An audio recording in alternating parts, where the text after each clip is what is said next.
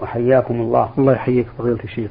هذا المستمع ميم عين من الرياض يقول فضيلة الشيخ البعض من الناس يقومون بتقصير ثيابهم إلى ما فوق الكعب ولكن السراويل تبقى طويلة فما الحكم في ذلك مأجورين الحمد لله رب العالمين وأصلي وأسلم على نبينا محمد خاتم النبيين وإمام المتقين وقائد الغر المحجلين. وعلى آله وأصحابه ومن تبعهم بإحسان إلى يوم الدين. قبل أن أجيب على هذا السؤال أحب أن أذكر إخواني المسلمين بنعمة الله علينا بما أنزل علينا من اللباس. قال الله تعالى يا بني آدم قد أنزلنا عليكم لباسا يواري سوآتكم وريشا. فاللباس المواري للسوآت هو اللباس الضروري والريش هو اللباس الكمالي. وكلاهما قد أنعم الله به علينا في هذه البلاد ولله الحمد والمنة. نسأل الله تعالى أن يرزقنا شكر هذه النعمة حتى تدوم وتزيد. قد أنزلنا يقول الله عز وجل يا بني آدم قد أنزلنا عليكم لباسا يواري سواتكم وريشا ولباس التقوى ذلك خير. لباس التقوى ذلك خير. وهذا إشارة إلى أنه يجب علينا أن نستعمل هذا اللباس الذي أنزله الله علينا على وجه تحصل به تقوى الله عز وجل. ومن ذلك أن نتجنب في لباسنا ما حرم علينا من تنزيل اللباس إلى ما تحت الكعب أي كعب الرجل. فإن تنزيل اللباس إلى ما تحت كعب الرجل كبيرة من كبائر الذنوب لأن النبي صلى الله عليه وآله وسلم توعد على ذلك. فإن جره الإنسان خيلاء فإن الله لا ينظر إليه يوم القيامة ولا يزكيه وله عذاب أليم. وإن نزل عن الكعب لغير الخيلاء فإنما أسفل من الكعبين ففي النار. صح ذلك عن النبي صلى الله عليه وآله وسلم. ولا فرق في هذا بين الثوب أو السروال أو المشلح كل ما يلبس. لا يجوز للإنسان أن ينزل ثوبه أو سرواله أو مشلحه أسفل من الكعبين. هذا في الرجال. أما النساء فإنهن مأمورات بأن تنزل ثيابهن حتى تستر أقدامهن. وقد رخص النبي صلى الله عليه وسلم للمرأة أن تنزل ثوبها إلى ذراع. إلى ذراع. يكون وراءها من أجل أن تستر أقدامها عن الناظرين. إذا الشرع الإسلامي يوجب على المرأة أن تنزل من الثياب ما يحرمه على الرجال. لكن مع الأسف أن أن الأمر انقلب رأسا على عقل. تجد طفلا وطفلة يمشيان في السوق. الطفل ثوبه إلى كعبه والطفلة ثوبها إلى ما فوق الركبة. يعني عكسنا الآداب الإسلامية تماما. وهذا مما يخشى منه أن تنزل بنا عقوبة نحن لا نقول إن الصغيرة التي دون السبع لا يحل أن تكشف ساقها. لكننا نقول تعويد البنت على هذا اللباس القصير يرفع عنها الحياء. ويوجب لها أن تستمرئ هذا اللباس الطويل آه القصير.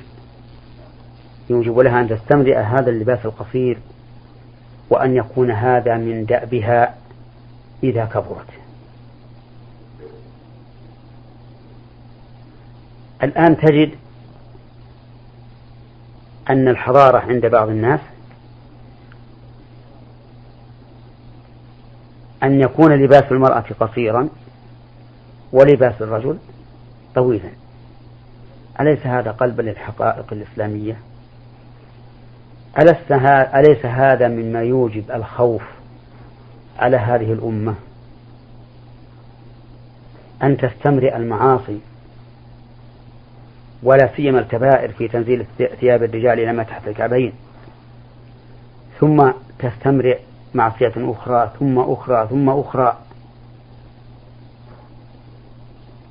حتى يخشى أن نقع جميعا في قوله تعالى واتقوا فتنة لا تصيبن الذين ظلموا منكم خاصة واعلموا أن الله شديد العقاب.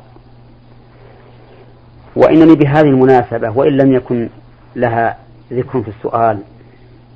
أود أن أن أحذر أخوات المسلمات وأولياء أمورهن من التسرع والتسابق إلى أنواع هذه الألبسة التي ترد علينا من الخارج والتي توجد في المجلات الأجنبية التي ملأت محلات الخياطة. حتى إذا وقفت المرأة على المحل عرض عليها من هذه الأزياء ما يخالف فطرتها ودينها. وما يوجب أن تتشبه بأعداء الله الذين جاءت منهم هذه المجلات. وتسمى عند الع... عند النساء تسمى البردة. فأنا أحذر أخوات المسلمات من النظر في هذه المجلات وأقول للمسؤولين عنهن إنكم مسؤولون عنهن أمام الله وإنه لا يحل لكم أن تمكنوهن من اقتناء هذه المجلات أو النظر فيها. ثم أقول مرة ثانية. إنكم مسؤولون عن أموالكم التي تبذلونها لهؤلاء النساء. كلما جاءت موضة جديدة تركت الموضة الأولى ولو, ولو لم تكن لبستها إلى الموضة الجديدة. فضاع المال. بل حتى وإن كانت الأموال منهن من النساء. فامنعوهن من هذا التصرف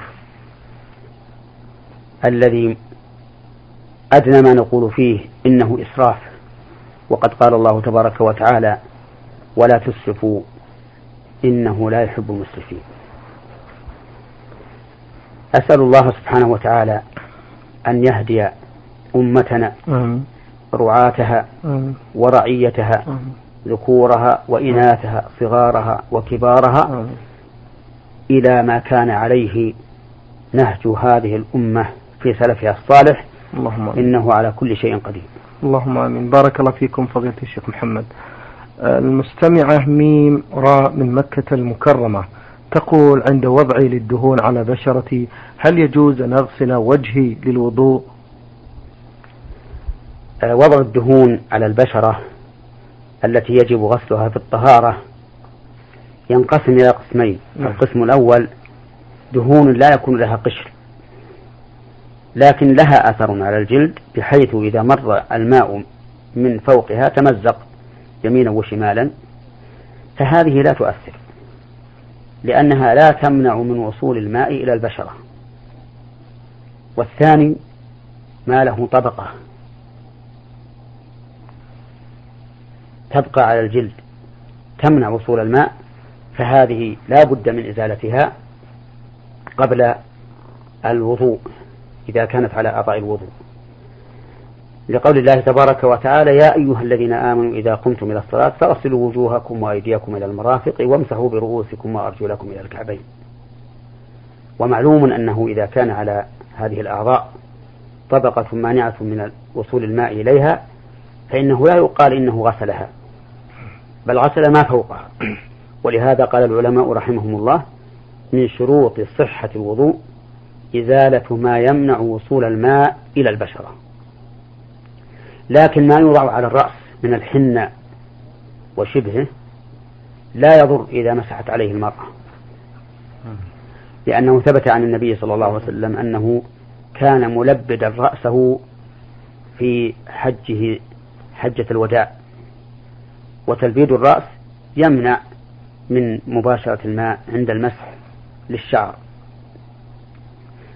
ولأن طهارة الرأس طهارة مخففة بدليل أنه لا يجب غسله بل الواجب مسحه حتى وإن كان الشعر خفيفا بل حتى وإن لم يكن على رأس شعر فإن طهارته خفيفة ليست إلا المسح.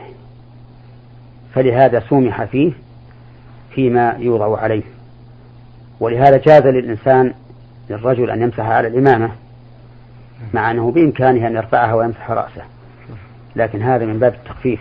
وكذلك على قول كثير من العلماء إنه يجوز للمرأة أن تمسح على خمارها الملفوف من تحت ذقنها نعم. بارك الله فيكم. هل يجوز استعمال المعجون في نهار رمضان؟ هذه المستمعة ميم راء من نعم. معجون الأسنان. آه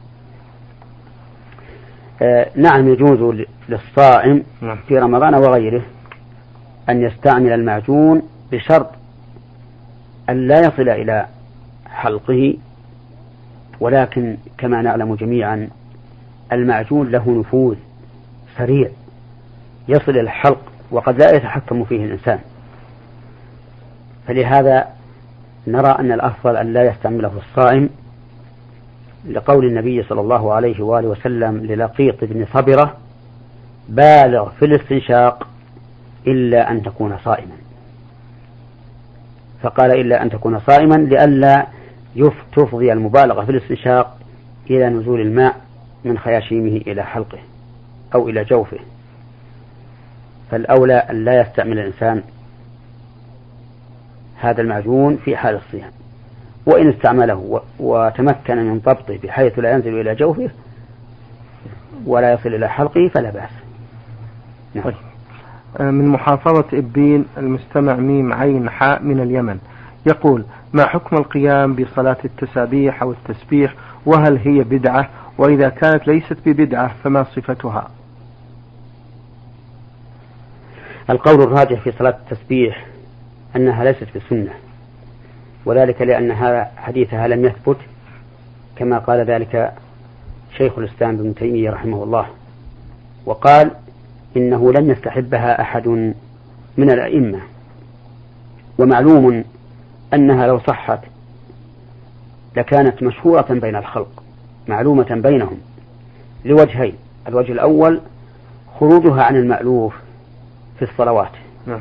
والعادة أن الخارج عن المألوف يتوافر النقل فيه ويتناقله الناس لغرابتهم والثاني أن أن عليه أنه رتب على ذلك ثواب عظيم.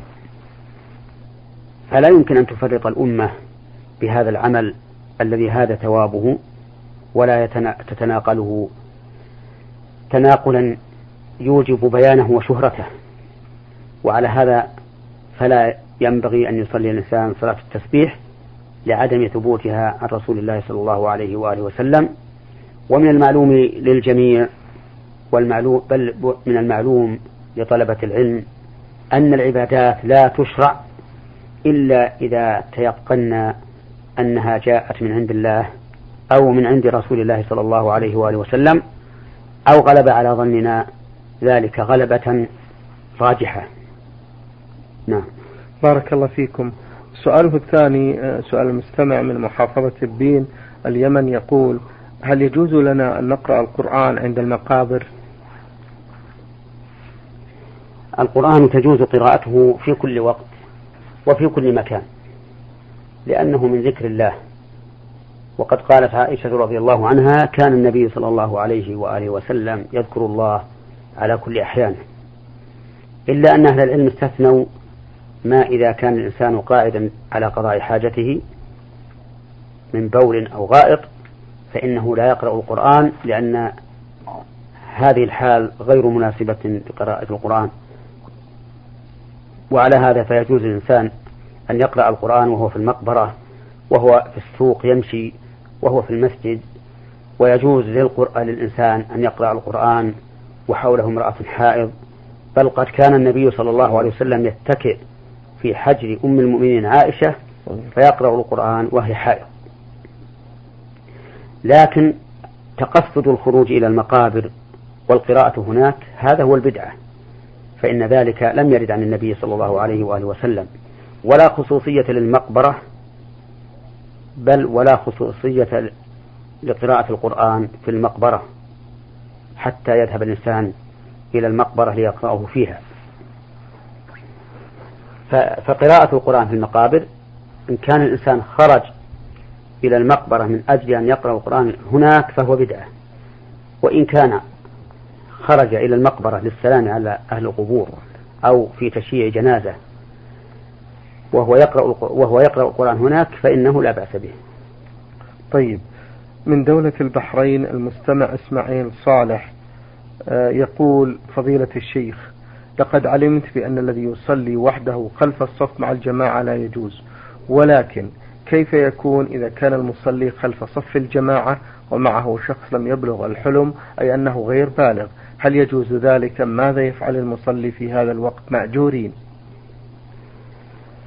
صلاة المنفرد خلف الصف في صلاة الجماعة نعم. تنقسم إلى قسمين. قسم صحيح وقسم غير صحيح. أما القسم الصحيح فهو ما إذا وجد الصف تاما فإنه في هذه الحال يجوز أن يصلي وحده. وذلك لأنه إذا لم يصلي وحده فاتته الجماعة. إذا لم يأتيه أحد يقوم معه قبل أن تفوت الجماعة. وهو إذا لم يصلي وحده فإما أن يجذب أحدا من الصف الذي أمامه وإما أن يتقدم فيقف مع الإمام وكلا ذلك غير مشروع أما سحبه أحدا من الصف المتقدم فإنه لا يجوز وذلك لأن فيه جناية على المسحوب ونقلا له من المكان الفاضل إلى المكان المفضول ثم إنه قد يشوش عليه صلاته.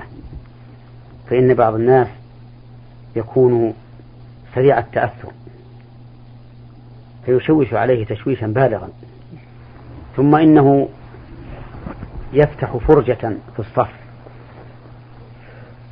فيقطع صفا بعد صلته. ثم إنه يوجب أن يتحرك الصف من اليمين أو من الشمال أو من اليمين والشمال لسد هذه الفرجه فهذه أربع مفاسد في جذب من يجذبه إليه. وأما تقدمه مع الإمام فهذا إن لم يأتي من القبلة إذا كان في في قبلة المسجد باب لزم أن يتخلل الصفوف فيؤذي أهل الصفوف. وقد رأى النبي صلى الله عليه وسلم رجلا يتخطى رقاب الناس في يوم الجمعة فقال اجلس فقد آليت ثم إذا تقدم وصلى مع الإمام خالف في ذلك السنة. فإن الإمام فإن السنة أن يكون الإمام وحده في مكانه لأنه إمام. فإذا قام معه آخر صار الآخر كأنه إمام ثاني. ولا يرد على هذا أن أبا بكر رضي الله عنه حين شرع يصلي في الناس ثم جاء النبي صلى الله عليه وسلم فصف إلى يسار أبي بكر. لا يرد على هذا لأن أبا بكر قد شرع في الصلاة ولا يمكنه أن يتأخر لأن الصف متراص فلم يبقى إلا أن يبقى في مكانه. ثم إذا تقدم وصف مع الإمام ثم جاء آخر بعده. نعم. ووجد الصف تاما فقلنا تقدم. فصاروا اثنين مع الإمام. ثم جاء ثالث. وقلنا تقدم. لازم من ذلك أن يكون صف تام مع الإمام. وما وراء الناس ليس فيه أحد. لذلك نقول إذا جاء الإنسان ووجد الصف تاما فلا حرج عليه أن يقف وحده ويصلي وحده. وقد قال الله تعالى فاتقوا الله ما استطعتم وقال ولا يكلف الله نفسا إلا وسعها. وأما إذا إذا قام معه صبي مميز وصلى معه فالصواب أن ذلك جائز. وأن مصافة الصبي كمصافة البالغ. لأن أنس بن مالك رضي الله عنه صف مع يتيم خلف رسول الله صلى الله عليه وآله وسلم في صلاة النفل. والأصل أن ما ثبت في صلاة النفل ثبت في صلاة الفرض إلا بدليل. ولأن هذا الصبي عاقل تصح منه الصلاة فصلاته صحيحة فيكون هذا البالغ لم يقم وحده خلف الصف بل معه من تصح صلاته. فالصواب أن مصافة الصبي في الفريضة والنافلة سواء وأنها جائزة ويزول بها الانفراد. نعم. بارك الله فيكم. نختم هذا اللقاء بسؤال ثاني للسائل فايد محمد بن الدمام. يقول أثناء تناول الطعام قد يتناول الإنسان البعض من الطعام باليد اليسرى فما الحكم في ذلك مأجورين؟ الأكل باليد اليسرى. والشرب باليد اليسرى والأخذ باليد اليسرى والإعطاء باليد اليسرى كل هذه الأربعة خلاف السنة. فالأكل يكون باليمين والشرب يكون باليمين والأخذ من الغير يكون باليمين وإعطاء الغير يكون باليمين. هذه هي السنة. لكن الأكل بالشمال والشرب بالشمال محرم. لقول النبي صلى الله عليه وسلم لا يأكل أحدكم بشماله ولا يشرب بشمال ولا يشرب بشماله فإن الشيطان يأكل بشماله ويشرب بشماله. فنهى النبي صلى الله عليه وسلم عن الأكل بالشمال والشرب بالشمال وعلل هذا النهي بأنه من فعل الشيطان. وهذا يؤكد اجتناب الأكل بالشمال والشرب بالشمال. وما أدري لأخ المسلم إذا خير بين أن يكون متبعا للشيطان في خطواته في أكله وشربه متشبها به في أكله وشربه أو متبعا لرسول الله صلى الله عليه وسلم وهديه وإرشاده. لا أدري إذا خير بين ذلك. أيهما يختار؟ ومن المعلوم أن كل مؤمن سوف يختار اتباع رسول الله صلى الله عليه وسلم والأخذ بتوجيهاته صلوات الله وسلامه عليه. وعلى هذا فنقول يحرم على الإنسان أن يأكل بشماله أو يشرب بشماله. وإذا كان حراما فالحرام على القاعدة الشرعية لا يحل إلا للضرورة.